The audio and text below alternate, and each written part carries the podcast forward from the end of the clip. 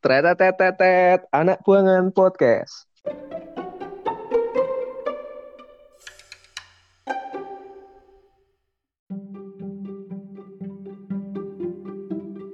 nikmatilah kopi sesuai pada kadarnya sih. Artinya jangan melebih-lebihkan tapi jangan mengurangi dan terlebih jangan sampai kita eh, apa namanya mengejek kopi itu. Nikmati kopi dengan cara lu sendiri. Kalau lu memang sukanya tubruk ya pakai tubruk. Kalau lu sukanya kopi susu ya kopi susu. Terserah dengan gaya apa pun ya. Yang penting lu bisa menikmati hasil secangkir kopi yang lu pengen gitu.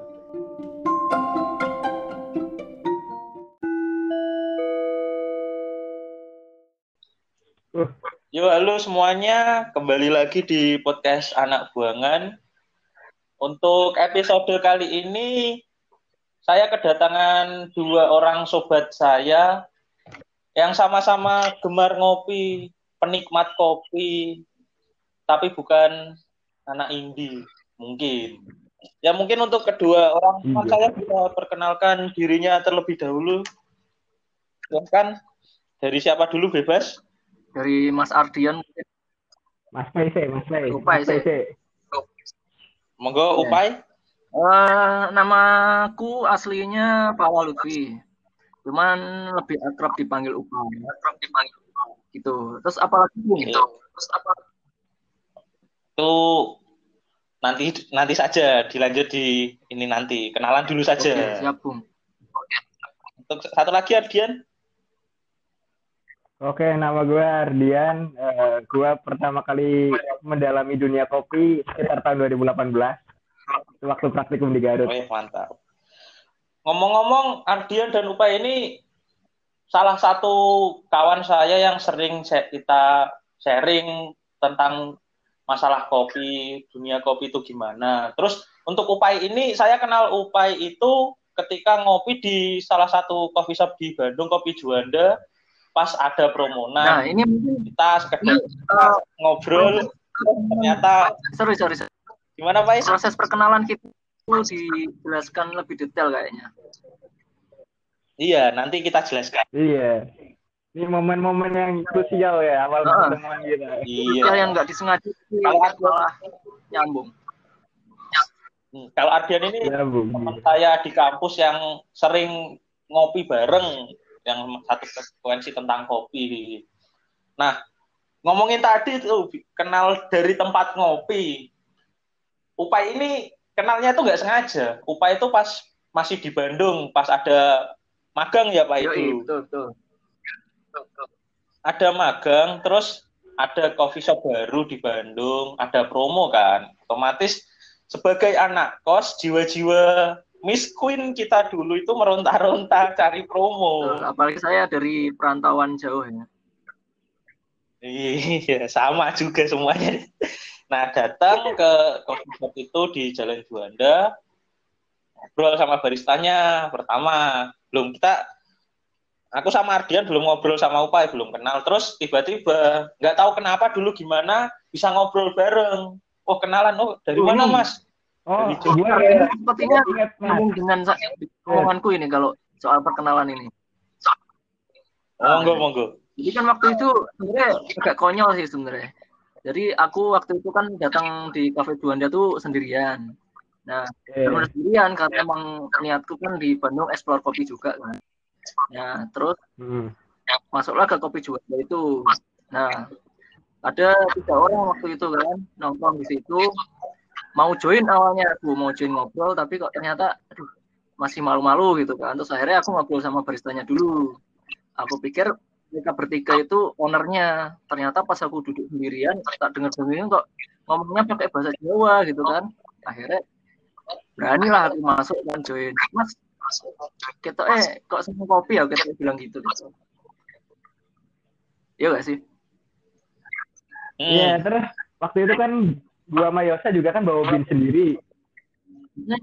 Nah, terus aku ny- minta nyeduin di situ sama baristanya. Ah, betul betul. Nah, sejak saat itu Mas Pei ikut gabung juga ngobrol tentang kopi di situ. Hmm, ternyata sama-sama ekspor kopi ya. Iya, ternyata di situ kita ketemu kliknya gitu loh. Oh, iya. Awal mula kita kenal tuh dari situ karena saya ada satu pepatah. Wah. Pepatah tentang kopi. Once brew, we brew. Wah, Mantap. quotes-nya sangat bermanfaat ya. Iya. Iya benar benar. ini Dari ini viewersku ada yang nanya nih. Ngomong siapa? Ini aku kenalin dulu. Aku ngomong sama dua temanku yang eh, ketemu di Bandung waktu ekspor kopi.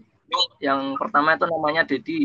Dia sekarang di Maluku kerjanya. Terus yang satunya itu Ardi sekarang kerja di Jakarta ya dia Di Kabupaten Semarang, oh. Semarang. Ya. itu teman-teman lanjut lanjut Oke, Oke. lanjut ya. Dari ketemu kita kenal di Kopi Juanda itu akhirnya berlanjut kita explore kopi bareng, keliling istilahnya cari kopi cari kok tempat kopi ngopi-ngopi yang unik lah di Bandung. Akhirnya kita Hmm. ngopi lagi di Ma- Marones. Hai. Marines. Marones yang pilihan beans-nya itu banyak, Banyak. banget. Marones tuh ini sih Beans kalau buatku yang bikin berkesan itu kalau kalian teman-temanku yang nyari kopi murah di Bandung tapi eh, low budget nah itu Marones ya bener kan Ya, bener. selain low budget rasanya juga masih masuk ya. Mm-mm. nggak murahan lah walaupun Dan dan suasananya dan suasananya asik sih buat nongkrong-nongkrong. yoi betul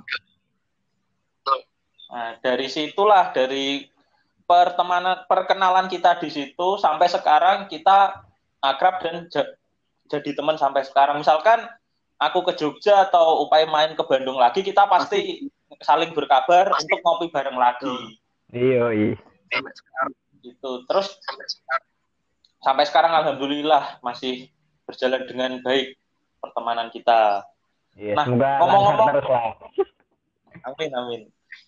Ngomong-ngomong masalah kopi nih, pasti kita semua adalah latar ya latar belakang yang melatar belakangi kenapa sih kita suka kopi kayak gitu. Mungkin beans pertama, beans pertama yang bikin kita kayak istilahnya jatuh hati dan gak bisa melupakan beans itu bagi kalian berdua itu apa? Mungkin bisa diceritakan latar belakang itu.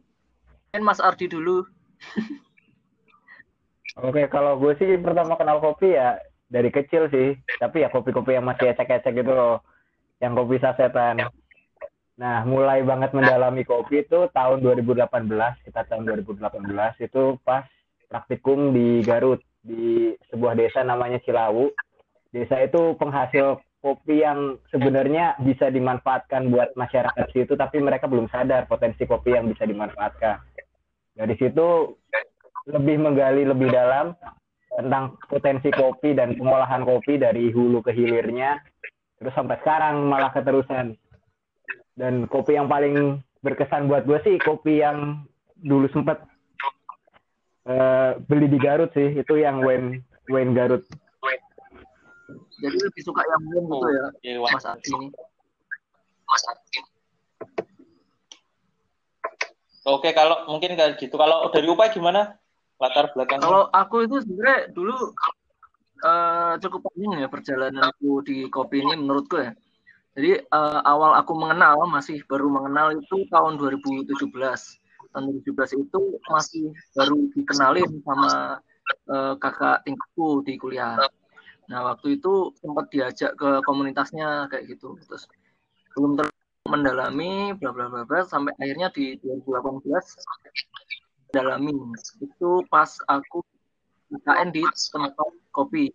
Nah kebetulan aku KKN tuh di eh, provinsi yang memang menjadi produsen kopi terbesar di Indonesia, yaitu di Sumatera Selatan, tepatnya di Pagar Alam. Nah mulai di situ terus aku mulai mendalami, mendalami, mendalami terus sampai sekarang. Dan alhamdulillah sekarang udah punya satu kafe sama ngelola satu kafe yang lain gitu. Nah kalau alasan detailnya kenapa kok bisa jatuh hati di sini sampai itu karena menurutku di kopi ini eh, aku menemukan kedamaian sih Caileh. Yes. Tapi emang emang kopi itu menurutku mungkin banyak orang ya yang yang mikir kalau ngerasa kalau itu eh, damai gitu. Damai dalam arti itu kalau kita ketemu kopi kok kayaknya kok pasti kita ketemu orang-orang yang eh Iya. gitu. Jadi kita kalau ngobrol sama kopi itu Ya, eh, sambil minum kopi enak gitu. Itu sih yang aku oh iya. Iya. Iya, bener Pak.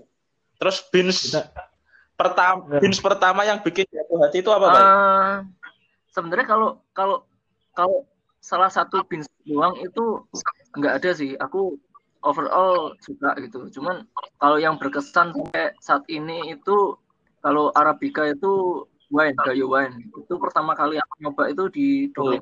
Kopi. Itu menurutku sampai detik ini yang masih paling enak yang pernah aku coba sih wine-nya itu. Nah, yang kedua itu kalau robusta itu aku emang di pagar alam itu aku suka ya sampai sekarang berkesan. Soalnya eh, menurutku karakternya itu walaupun robusta tapi dia punya karakter asam juga. Jadi kalau selama aku punya kafe ini aku pakai Husbrom eh, base base base robustanya pakai pagar alam tuh aku nggak perlu pakai arabica yang banyak rasionya karena dia udah soft karakter itu. Mantap, mantap dari Mantap. Jadi dari dari upaya dan Ardian ini mungkin bins awalnya wine itu sih, wine gayu wine wine. sama gayu. Garut ya. Kalau sih, iya Garut wine. Kalau aku sendiri sih asal mula seneng ngopi itu sebenarnya dari dari dulu tuh udah sering ngopi. Ngopi kalau di aku itu istilahnya ngopi itu datang ke warung nongkrong di warung. Entah itu yang dipesen es teh, nutrisari, kopi susu atau lain sebagainya itu tetap disebut Oh, iya. ngopi. Awalnya Kopi juga gitu enggak gak lucu banget, Kopi Kopimu apa Nutrisari? kopi rasa jeruk. Jadi awalnya juga gitu kayak, wah kopi itu pahit. Mikirku gitu dulu, Hmm. kopi itu pahit, bikin nggak bisa tidur dan lain sebagainya. Cuma karena itu dulu aku belum mendalami. Cuma ketika udah tahu kopi itu gimana gimana, wah malah menurutku sangar gitu, asik mendalami kopi.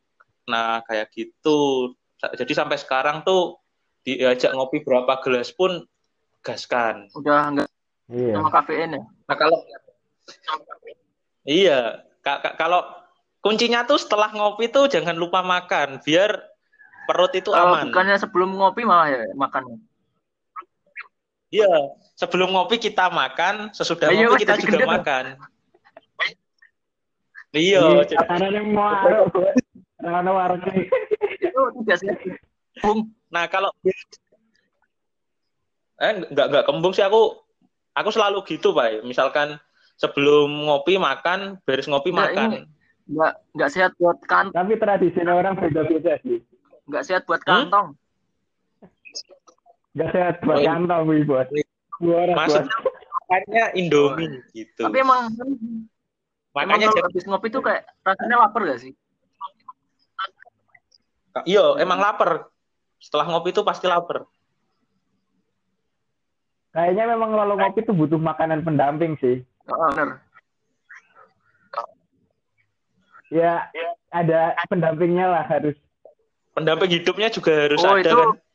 Waduh, Nah, berat, bos. berat sih. Oh. eh kalau dari habis ngomongin biji kopi nih, kan pasti ada Hmm. metode seduh. Nah, kalau dari kalian berdua kira-kira metode seduh apa sih yang paling disenangi atau paling dirasa memberikan cita rasa yang lebih dari suatu kopi? Bisa aku sama Ardi setuju sih kalau V60. V60. Kita berdua Ah. selalu kayak ha- hampir tiap kali ngopi itu pasti V60. Karena ya memang Tapi kalau pengen uh, tapi kalau pengen tahu karakter kopi lebih dalam, pengen yang detail ya pakai ah, tubruk ya itu saya. kan Karakter naturalnya itu loh. Keluar banget itu. Oke, V60. Tapi nggak coba ngulik, coba pakai Kalita, Kono atau jenisnya gitu. kalau ngulik eh paling lebih V60 sih. Soalnya kan eh, kalau main logika V60 yang paling masuk. Kan. Oke, V60 berarti untuk favorit ya. Hampir mungkin hampir sem- semua Umum. lah lebih suka di V60. Paling Sebenarnya lah. kayak kalau kayak gitu te- kadang tergantung ininya juga nggak sih? Kayak apa? Jenis kopinya gitu juga.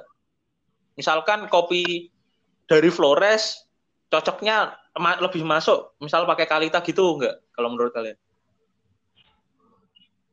Eh, ulang-ulang. Sorry, sorry. Eh, jadi kalau misalkan itu misalnya si, si, kipasku tak patenan nih.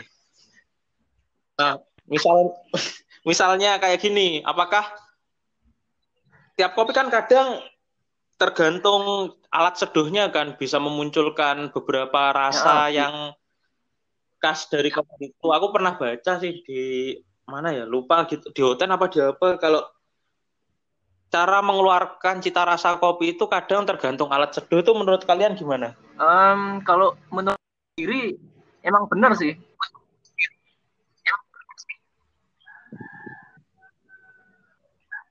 Kalau menurutku Gimana, benar.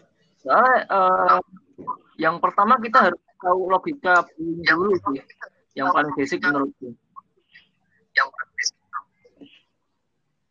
Oke, berarti tergantung harus ngulik Hmm, juga ya mungkin- sebelum ini. Eh, kalau aku bilang kita tuh pertama kalau mau mau belajar kopi itu eh, ke logikanya dulu gitu. Awal mulanya ke logika, terus kita juga harus tahu alatnya dan eh, jangan sampai salah nyebutin alat sama metode gitu. Kalau kalau itu gitu. Karena ada beberapa orang yang masih salah. Yang paling penting kalau udah tahu semuanya ya praktek. Ya, di Dan kalau udah tahu metode, udah tahu logikanya ya yang paling penting prakteknya sih mas. Oh ya jelas. Kalau kita cuma tahu teorinya, kita nggak bisa minum kopi. Iya benar. Benar. itu paling penting sih, emang ngulik sih paling penting emang. Iya. Ngulik lah selama masih bisa mengulik. Oh ya ngomong-ngomong ini Upay ini tuh udah punya coffee shop atau ka- kamu kamu nyebutnya apa Pak biasanya? Apa menyebut menyebutnya? Lebih senang disebut coffee shop, Kedai, kafe atau gimana? Rakyat. Oh kedai. Mantap. Merakyat tuh. Upay ini tuh udah Kelasnya- punya kedai, Keseleo. udah punya kedai. Kalau nyebut coffee Hmm? shop kayak susah. Kedai wae lah. Ah, keseleo. Oh keseleo. Hmm, Nek kafe Oh, terlalu high. Oh, mungkin bisa diceritain Pak kedainya itu di mana terus kayak cerita awal mula gimana sih bisa membuka kedai Ah, kopi Kalau itu gitu. mungkin ya sebenarnya akar dari semuanya itu sebenarnya dari nekat semua. Awalnya.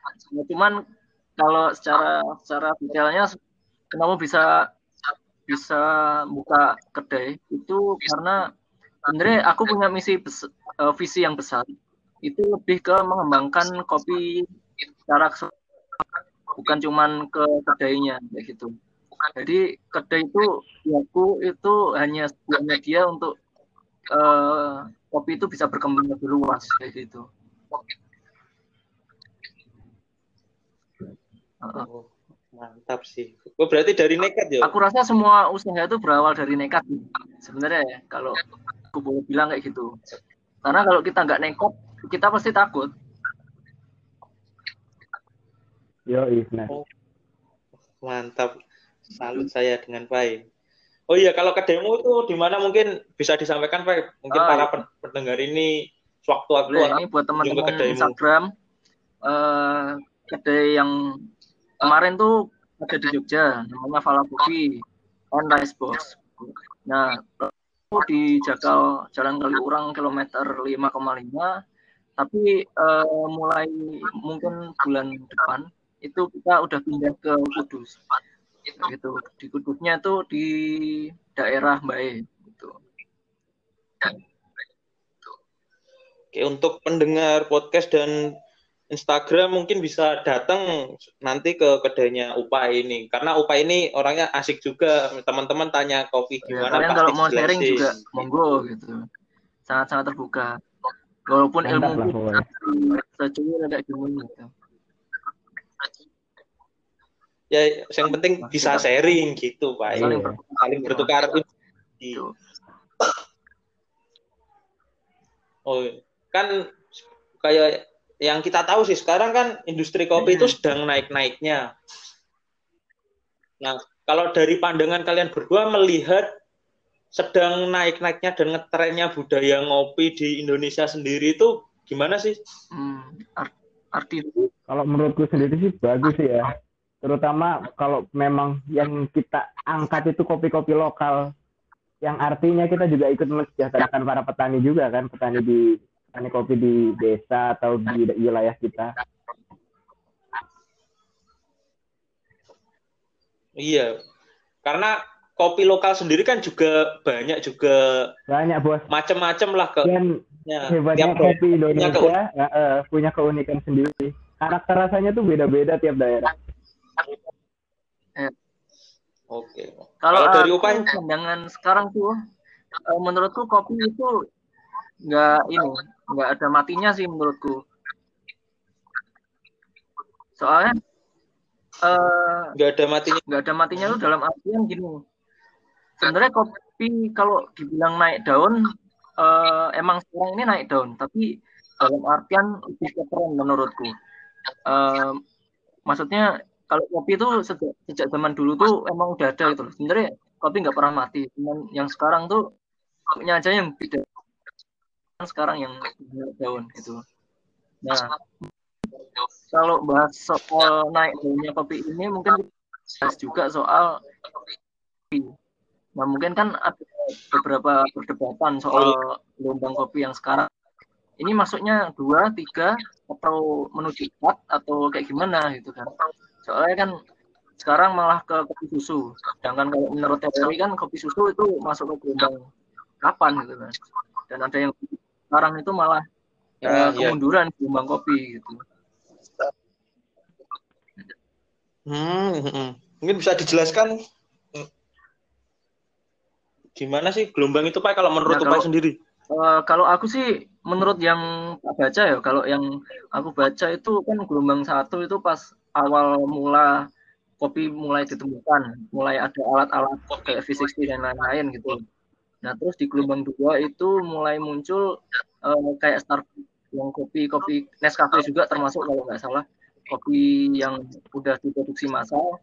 Terus di gelombang tiga itu kan sebenarnya lebih memanfaatkan alat-alat yang ditemukan di gelombang pertama dan eh, tapi dari sisi konsumernya itu lebih detail, lebih kepo tentang kopi dari hulu ke hilirnya, nggak cuman minum doang kayak gitu. Kalau yang aku tahu itu. Hmm. Oh ya, kalau sekarang itu belum jadi belum begitu jelas ya. Ini sekarang masuknya gelombang ke berapa karena belum ada acuan patokan patokan Mm-mm, pastinya gitu ya Pak. kalau gelombang itu kok kayak menurutku hanya sebuah nggak baku sih menurutku. Soalnya namanya orang minum kopi menurutku terserah sih, nggak nggak terpatok pada gelombang gitu. Jadi kalau misalnya ada yang bilang sekarang tuh kemunduran gelombang dari gelombang tiga ke gelombang dua lagi, menurutku ya enggak juga sih.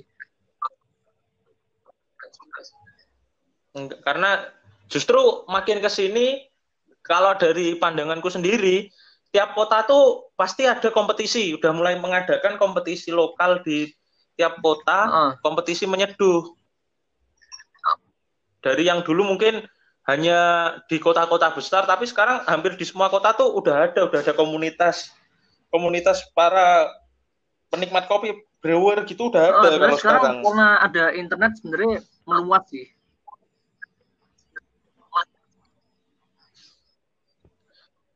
dan juga mulai banyak orang-orang yang bikin channel channel YouTube juga channel YouTube kopi baik baik pas menyeduh roasting dan lain sebagainya Heeh, benar. kayak gitu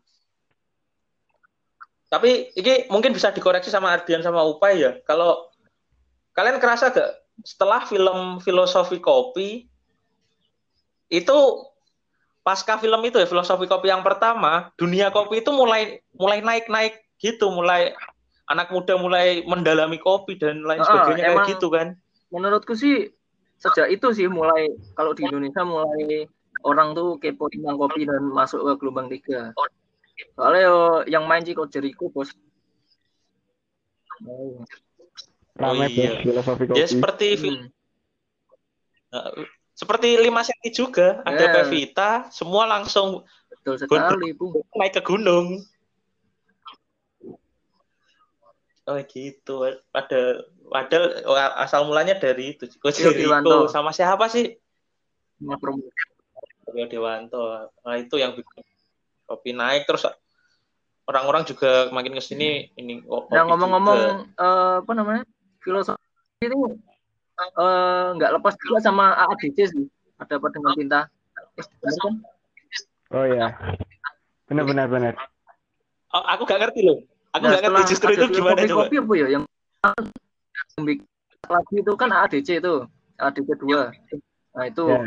gara-gara dia syuting di klinik kopi yang dari Jogja itu. Klinik. nah itu aku juga ngikutin itu. Aku ngikutin yang ADC itu eh, pas ada ADC itu setelahnya itu aku mampir ke klinik kopi. Dan beneran ramai banget cuy. Sampai kopi mana yang kamu apa namanya ngopi itu pakai antri nomoran itu kalau nggak klinik kopi Iya. itu Oh, oh iya dari situ ya Tapi baru dunia aku baru perkopian tahu Jogja itu maju kalau- sih bos. Termasuk ya. Ah, bener. Ini F Mulai FYI dari klin- di di Hmm? klinik kopi waktu aku habis ADC tuh kopinya tuh masih 15.000. Sekarang sudah 20 Terus naik jadi berapa bos? 25 Eh, sekarang jadi berapa? Weh, dia mulai UDW mungkin. ya. Dua kali lipat, bro. Ya naiknya. beda, Bu. Memang kalau klinik kopi sih dia jual cerita juga sih dari Mas Pepeng kan emang eh, dia Iya, memang apa eh, namanya jelasin kopi Mas Apeng. enak sih. Iya. Dia lebih customer service-nya lebih dapat juga sih. Kitanya lebih Iya. puas juga kan ngobrol-ngobrol tentang kopi sama Mm-mm, lagi. Tapi di Jogja juga ada cafe shop yang lumayan juga, Bos. Space Roastery. Ros roasterian yang gokil lah kalau menurut gue. Ap- Siapa siapa? Space. Oh Space, iya, Space Roastery. Wis. Nah, Space emang gokil sih. Kopi eh, roasteriannya bisa ngulik-ngulik rasa kopi jadi berbagai macam coy gila itu. mereka eh, ininya ya apa ikatan kimianya ya. Iya. Airnya, pH airnya gila sih. Itu Anda ke space ngopi sambil cuci mata kan? Itu ngopi di sana tuh sekalian cuci Waduh. mata juga. Baristanya ya. Tapi space itu slow bar yang emang bener-bener slow. Saya sih. Kan ada slogannya juga dia. Same shit different day. Anjir.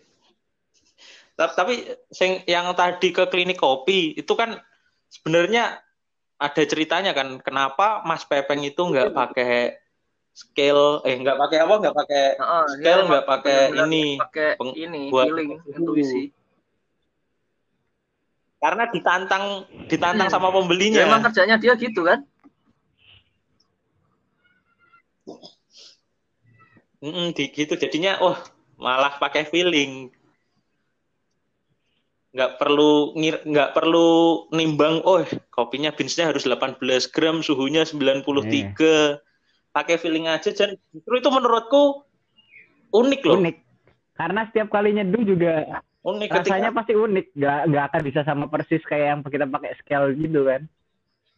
Ya sebenarnya dia main ke sugesti sih. Iya. Heeh. Soalnya aku juga pernah nyeduhin customer gitu kan. Eh aku dia nanya-nanya pins lah gitu kan, terus eh, tak tawarin nih, nih mbak pins, ini nusa rasanya ada bubble gumnya, kemarin aku udah nyoba gitu kan. Terus dia tertarik kan, oh iya lah. terus akhirnya aku nyeduhin sambil ngomong sama dia terus sebenarnya yakin nggak yakin tapi aku yakinin aja eh kok ternyata keluar dia ngerasanya ada bubble gumnya. Menurutku sih karena kalau menurutku Oh. juga sugesti itu main banget dalam penentuan notes rasa sih. Makanya kalau kita cupping kan kita ditutup gitu kan. Kita nggak boleh ngasih tahu ke sesama yang lagi cupping sama kita notes rasanya kopi yang lagi kita cupping Mm-mm. karena kalau kita ngasih tahu misal gue lagi cupping sebelah gue Dedi. Kita lagi nyicip cangkir yang sama nih. Gue cupping dan gue bilang rasanya strawberry jadi belum cupping pas dia cupping pasti juga dia ngerasain strawberry karena udah gue sugesti duluan gitu Oh iya benar, sugesti kan Main, juga main. main.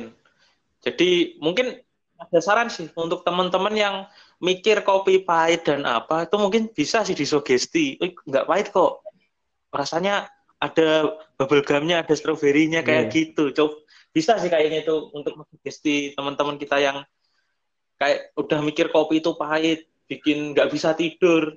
Justru aku ngopi tetap Tapi tidur ya tidur malah aja. beda kalau udah ngopi nggak tahu kenapa Nah, ya emang karena udah kebiasaan iya bisa jadi kayak gitu. Oh, kalau ini sih apa? Perkembangan dunia kopi, eh tadi udah ya, aku Ayo, ayo. lupa sih. list tanya apa. pertanyaannya Lupa, lupa. Aku aku soalnya bikin podcast ini tuh gak pernah ngelis, Pak. Ya udah asal Iya, iya. mengalir aja. mengalir Mengalir aja apa yang ada di otak aku. Kayak dibaratkan seperti kita ngopi Iya. lah, sambil ngobrol senja-senja biasa gitu. manja gitu kan Iya bener. Jam-jam segini Iya, kan jam senja-senja senja gitu seger. kan. Kalau perkembangan kopi Indonesia gimana menurut kalian guys? Kok jadi gue yang tanya? Ya kita, kita open open question Enggak apa-apa santai. Wis, Oh, oh, open question. Podcast Iya, ini iya, iya. bebas. perkembangan petani kopi di Indonesia kalau menurut kalian gimana nih? kalau Terkait dengan kondisi petaninya gitu-gitu. kalau perkembangannya kok jujur sih aku belum belum ngikutin langsung ya akhir-akhir ini soalnya nggak ke hulunya cuman aku rasa kayak eh, sekarang mulai berkembang sih mulai banyak menemukan petani-petani yang dia tuh eh, ngerti gimana masarin kopi terus gimana cara ngolah yang benar gitu Iya, cocok cocok. Mantap. Lu? Kalau itu emang aku ini sih beberapa kali lihat story apa ceritanya beberapa coffee shop kayak Tadasih terus Darat Coffee Lab terus apa lagi ya? Beberapa lah ada lihat ininya.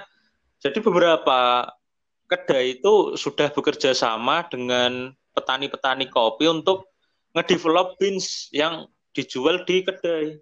Nah, pertama itu kan secara nggak langsung nilai jual dari kopi yang dijual oleh petani itu kan meningkat dan petani juga mendapat ilmu-ilmu Nah, baru kayak gitu. Jadi ada hubungan imbal balik gitu ya. Jujur itu hmm, salah satu langkah awal yang bagus untuk memajukan kopi Indonesia. Karena kopi Indonesia dari Sabang sampai Merauke itu pas tiap daerah itu ada kopinya sendiri. Mungkin ada beberapa daerah lah yang nggak ada nggak Iya. punya kopi. Tapi dari setiap provinsi 34 provinsi pasti ada kopi baik arabica, robusta dan ketika diminum rasanya rasanya tuh beda tiap daerah punya karakteristiknya. Misal ada yang ada yang lebih as, lebih asam, terus lebih lebih pahit, terus rasanya ada yang stroberi, ada yang nangka, ada yang nanas kayak gitu kan. Iya. Jadinya. Bahkan dari dari tiap kebun tuh juga bisa juga beda loh rasanya. Kayak ada kan makanya ada sistem nalolot, single lot gitu-gitu kan. Mm-mm. Tiap petani tuh bisa memunculkan rasa yang berbeda walaupun beansnya sama, walaupun tanahnya sama sebuah tanahnya sama gitu loh. Tapi perlakuannya beda. Makanya ya nggak salah juga kalau kita bilang ngolah kopi itu kayak ngurus anak sendiri gitu sebenarnya.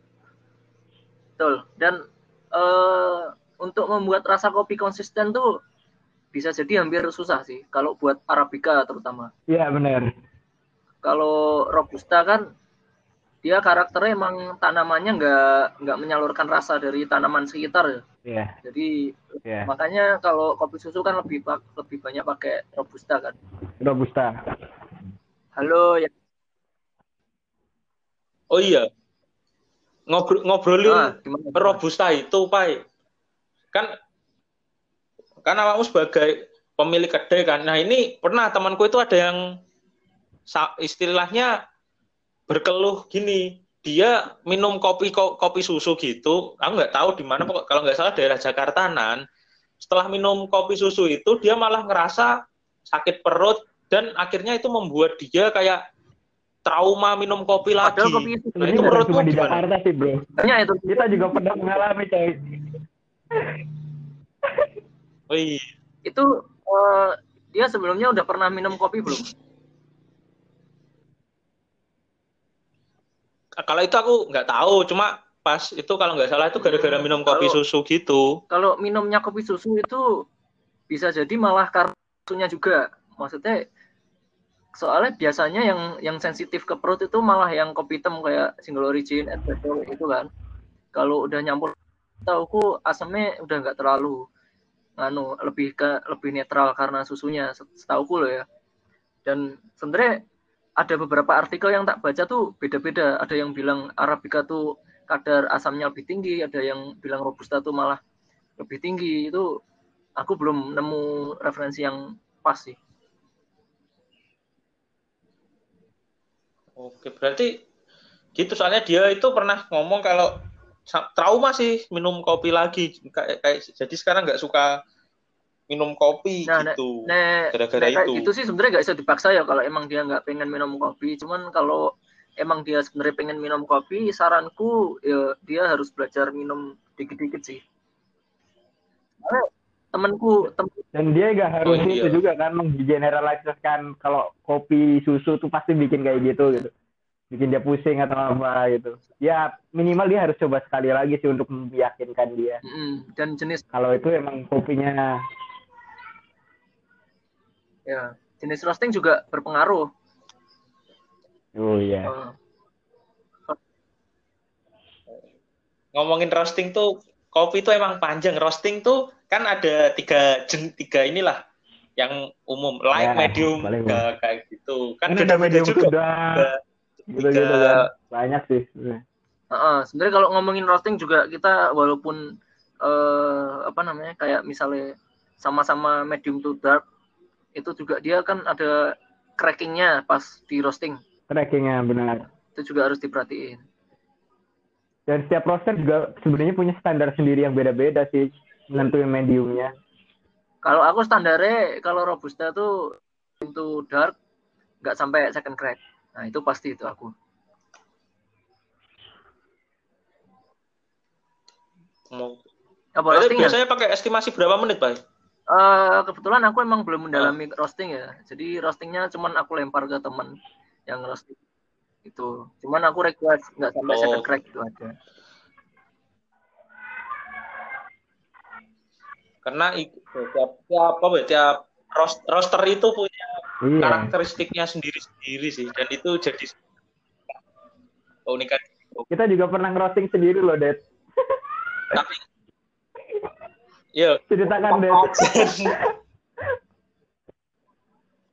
yo.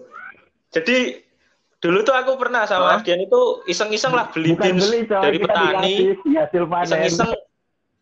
Oh ya dapat, ah, dapat iseng-iseng kan karena gabut. Ya udah kita coba proses berapa proses lah ala kadarnya karena masih pemula dan coba-coba.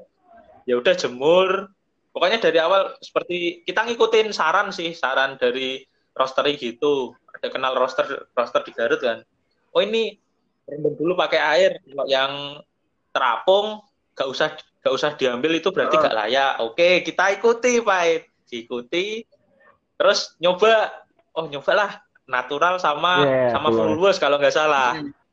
Nyoba dua udah jemur berapa hari itu udah lupa berapa hari itu udah sesuai lah pokoknya udah kering udah kering akhirnya kan di dikupas di, dikupas gitu Pakai kita tangan, kupasnya coy. manual Kupas pakai gitu? tangan Gak pakai ada ngupas kulit hari itu loh. Buah, buah kopi masih. kopi ngupas kopi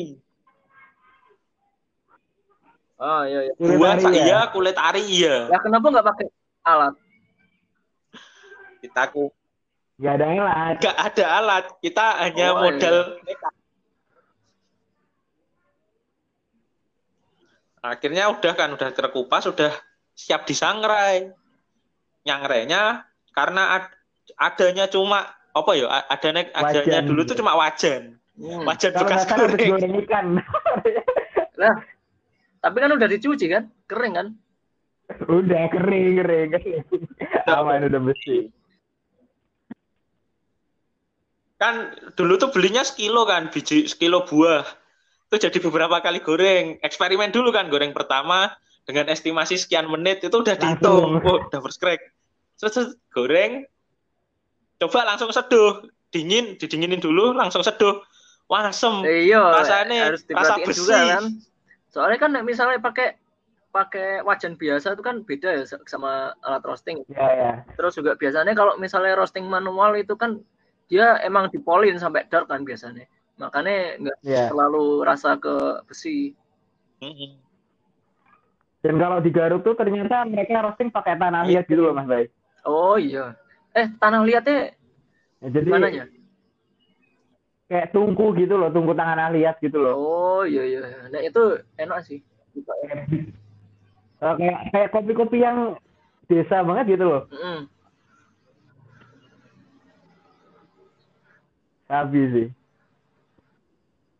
Tuh roasting tuh karena itu dulu ke isengan aja, iseng lah. Coba lah dapat kopi gratis. Ternyata Bersih. yang muncul Itu bukan Arabica rasa ya? buah-buahan. Rasa putih. Arabica, Arabica. Arabica. Emang Tapi akhirnya tapi akhirnya Tapi gue justru juga roasting situ- ke temen yang bisa roasting kan. Enak rasanya, masuk lah. Maksudnya ya enak gitu. Gak, nggak ada rasa besinya. Berarti emang proses roastingnya kamu prep yo ini. namanya juga roasting roastingan sih. Iya. Soalnya kita udah gak sabar banget kan, udah ngolah gitu kan, udah ya lumayan berproses lah. Tinggal eksekusi di roasting. Roasting pakai alat seadanya, kita seduh, waduh, besi ternyata. Eh, tapi ngomongin kan tadi udah kita udah ngomongin kayak roasting dan ini kopi.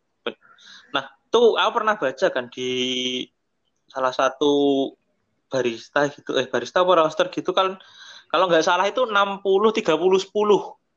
60 itu petani, 30 roaster, 10% barista.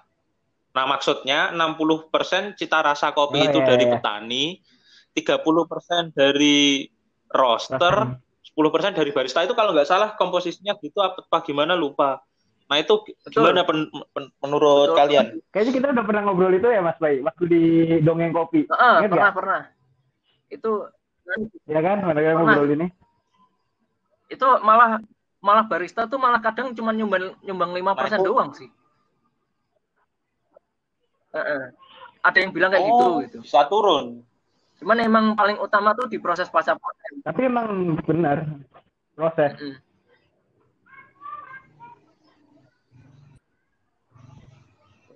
Nah, tuh jadi biasanya beda-beda ya kayak pengaruhnya gitu. proses pasca panen. Waktu itu gue pernah main ke Sudahejo di Garut tuh salah satu produsen kopi juga, Classic Beans. Dia tuh pakai beans yang sama tapi prosesnya beda gitu loh. Mereka namain ada aroma manis, ada apalah macam-macam. Intinya tuh ada hadi proses, ada natural proses, ada wash proses. Jadi kayak proses Makanya wah gila sih memang proses pasca panen tuh bener-bener ngasih pengaruh banyak ke cita rasa kopi selain roasting dan seduhan dari barista. Ngaruh itu eh, menurutku paling krusial sih kalau misalnya proses pasca panen tuh. Soalnya kan Betul, ya, aku benar. juga eh, sharing sama petani pas KKN itu kan. Itu kan proses pasca panennya pas sebelum aku KKN itu kan wah hancur lah. Pokoknya itu eh paling berkesan dari biji itu itu pas aku survei KKN nih cerita dikit. ya. Jadi pas aku survei KKN itu kan aku bawa sampel dari dari eh, tempat KKN itu sampel green bean. Nah waktu itu kan eh, bener-bener aku cuman beli sampelnya doang gitu, nggak nggak ngerti apa lain-lainnya gitu. Nah terus aku konsultasinya kan sama Mas Renggo itu yang eh, Mas Renggo dongeng kopi. Nah itu tuh aku diktawain karena bawa biji itu pertama udah dia pelangi, ngerti kan biji pelangi yang eh, merah kuning hijau. Apa Iya, iya, kedua iya. dia nggak pakai sortasi baik sortasi kualitas maupun ukurannya wes pokoknya ancur-ancuran lah. ya. ada yang bolong lah ada yang pecah lah ada yang kisut dan lain-lain nah itu paling berkesan pas awal-awal sih.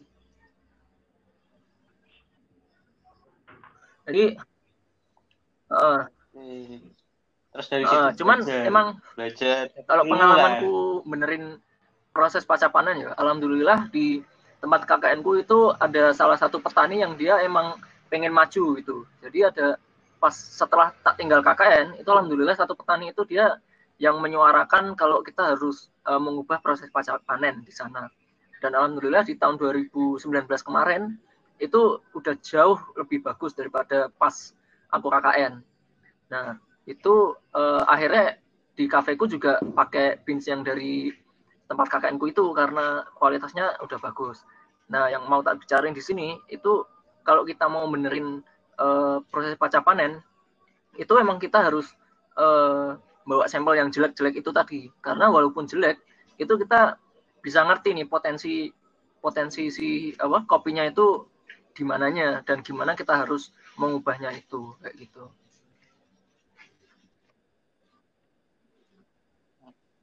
Berarti intinya tuh ketika kita kayak mau kerja sama sama petani Ya, jangan benar. langsung menjustifikasi petani itu salah. Tapi kita harus lihat dulu Keren sih, tapi. kegiatan kegiatan Kalau memang petani itu. proses pasca panen tuh harusnya Harus bisa diedukasi ke dulu seluruh lah, baru petani kopi yang ada di Indonesia tuh kayaknya bisa meningkatin kualitas juga. Ya, betul betul. Pastilah bakal bakal meningkat banget kualitas. Karena memang proses pasca panen tuh masih yang bagi petani kopi tuh masih rada awam juga, terutama yang di pelosok-pelosok desa. Dan itu yang nggak kesentuh oleh entah itu pemerintah atau entah dari suka ngopi juga bisa menyentuh mereka gitu, masih edukasi ke mereka terkait dengan proses pasca panen.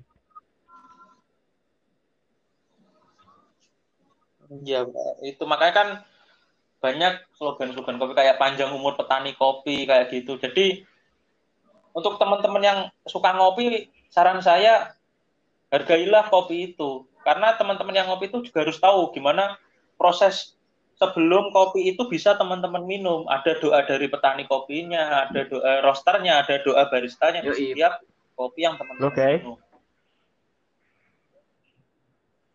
Tapi aku pernah gini loh, aku pernah menemukan suatu kejadian di mana ada orang lah, ada ada orang itu kayak ketika dia udah sering datang ke coffee shop, ke tempat-tempat ngopi yang istilahnya high class, ketika dia berada di tempat kayak gimana kayak di desa gitu ada ada kopi kopi kopi desa kayak gitu dia justru guyu meremehkan men- menertawakan wah kopi kok gini-gini loh. Padahal itu kan ada suatu kejadian di mana ada orang yang terbiasa ngopi di tempat-tempat high class ketika dia diajak ke ke desa gitu minum kopi yang dari desa dia menertawakan si kopi itu Wah, kopi kok rasanya ngene kopi itu harusnya nggak gini seperti dia menggurui orang yang desa gitu. Kalau aku Kalian sendiri gimana? sih, menurutku ya mungkin emang gayanya dia sih. Maksudku, aku nggak bisa menyalahkan dia kalau dia ngomong seperti itu karena eh, apa yang dia ketahui ya kayak gitu gitu.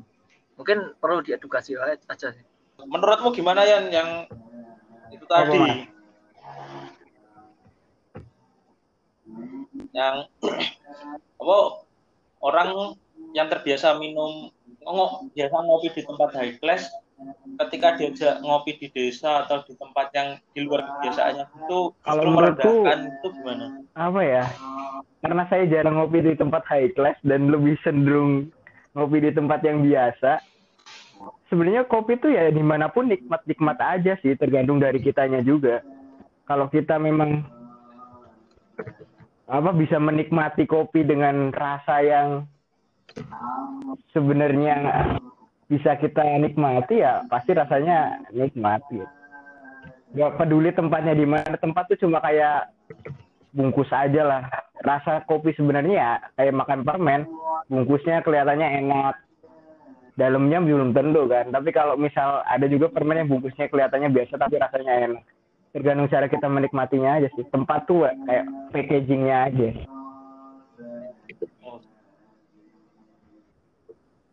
Mantap, mantap. Oh iya, ini mungkin di di, di Maghrib, tempat kalian maghrib. ini maghrib ya sekarang. Oke, mungkin sebelum di podcast ini berakhir karena udah maghrib juga, kalian harus ibadah. Pesan pesan kalian lah untuk para penikmat kopi, peminum kopi, pecinta kopi yang mendengarkan podcast ini. Mungkin aku. Dari Eh, kalau aku Upai, pesan buat penikmat kopi, menurut eh, apa ya, nikmatilah kopi sesuai pada kadarnya sih. Artinya jangan melebih-lebihkan, tapi jangan mengurangi dan terlebih jangan sampai kita eh, apa namanya mengejek kopi itu. Entah si baristanya karena mungkin kurang enak atau mungkin malah ngejek si kopinya itu sendiri kayak gitu. Dan yang yang jelas kita harus menghargai kopi karena mungkin banyak orang yang eh, masih nggak tahu ya kalau proses kopi itu sangat panjang gitu. walaupun kalau dipersimpel mungkin ada empat proses gitu kan. Tapi eh, untuk menghasilkan satu biji aja itu eh, nggak gampang gitu loh. Nggak gampang karena kalian juga tahu dari satu satu buah kopi aja itu satu biji kopi itu cuma seperempat dari buahnya. Jadi bayangin aja misal kita minum eh, kita pakai satu kilo kopi, berarti kan kita pakai 4 kilo buah kopi. Nah, udah udah kelihatan lah susahnya kayak gimana gitu. Itu sih mungkin kalau aku. Kalau gue sih ya nikmati kopi sebisa lu aja sih. Nikmati kopi dengan cara lu sendiri. Kalau lu memang sukanya tubruk ya pakai tubruk. Kalau lu sukanya kopi susu ya kopi susu. Terserah dengan gaya apa pun ya. Yang penting lu bisa menikmati hasil secangkir kopi yang lu pengen gitu. Terus jangan pernah takut juga buat belajar, buat tanya-tanya. Karena dalam dunia kopi tuh orangnya welcome-welcome banget sih. Gue yang dari belajar dari nol sampai sekarang aja ke tempat mana pun yang ada kopinya, gue tanya selalu dijawab dengan ramah dan welcome sih. Mereka nggak pelit ilmu gitu.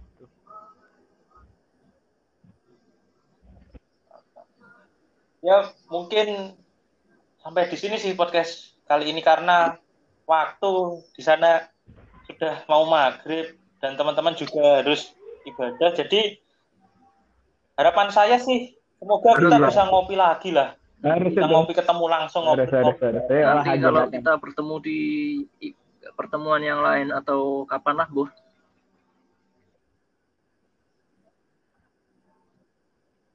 Ya semoga Amin, amin. bisa. Amin. Sharing Bisa. lagi.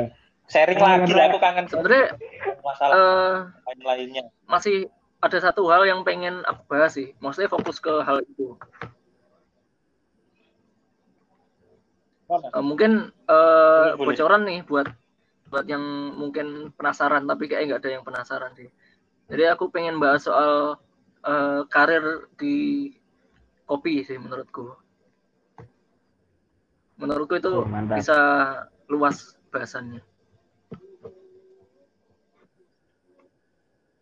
Next podcast lah kita Oke. agendakan deh. Di Ya, next harus, boleh ayo. Boleh boleh Pak kita agendakan Harus. Untuk karir kopi itu sepertinya menarik untuk membuka bisa jadi. wawasan baru Karena, dari eh, teman-teman semua ini. menurutku masih banyak orang yang mungkin apa namanya menganggap rendah ya profesi di lingkungan kopi mulai dari barista sampai ke petaninya padahal eh, kopi ini Iya, iya. salah satu warisan dan kekayaan Indonesia Iya benar. Oke. Next Karena kita, kita mungkin bahas bahas itu. Nusantara juga sih. nanti mungkin Kayaknya waktu asik menyusul ya mungkin kita. itu bisa jadi bahasan selanjutnya di Oh boleh, aku pengen Oke. boleh, boleh. Mantap pemberdayaan petani kalau dulu. biar enak. Oh. Mantap. Yoi. Iya, kita agendakan. Nanti teman-teman pokoknya stay tentang tetap dengerin podcast ini karena ke depannya kita bakal tentang masalah COVID lagi. Oke, Mungkin Oke. Cukup sekian ya teman-teman. Selamat berada, semoga sehat selalu. Semoga Yoi, oke. pandemi ini. Oke, Mas Bro. Terima kasih. Terima kasih untuk mendengar podcast anak buangan juga. Sampai jumpa di episode selanjutnya. Assalamualaikum warahmatullahi wabarakatuh.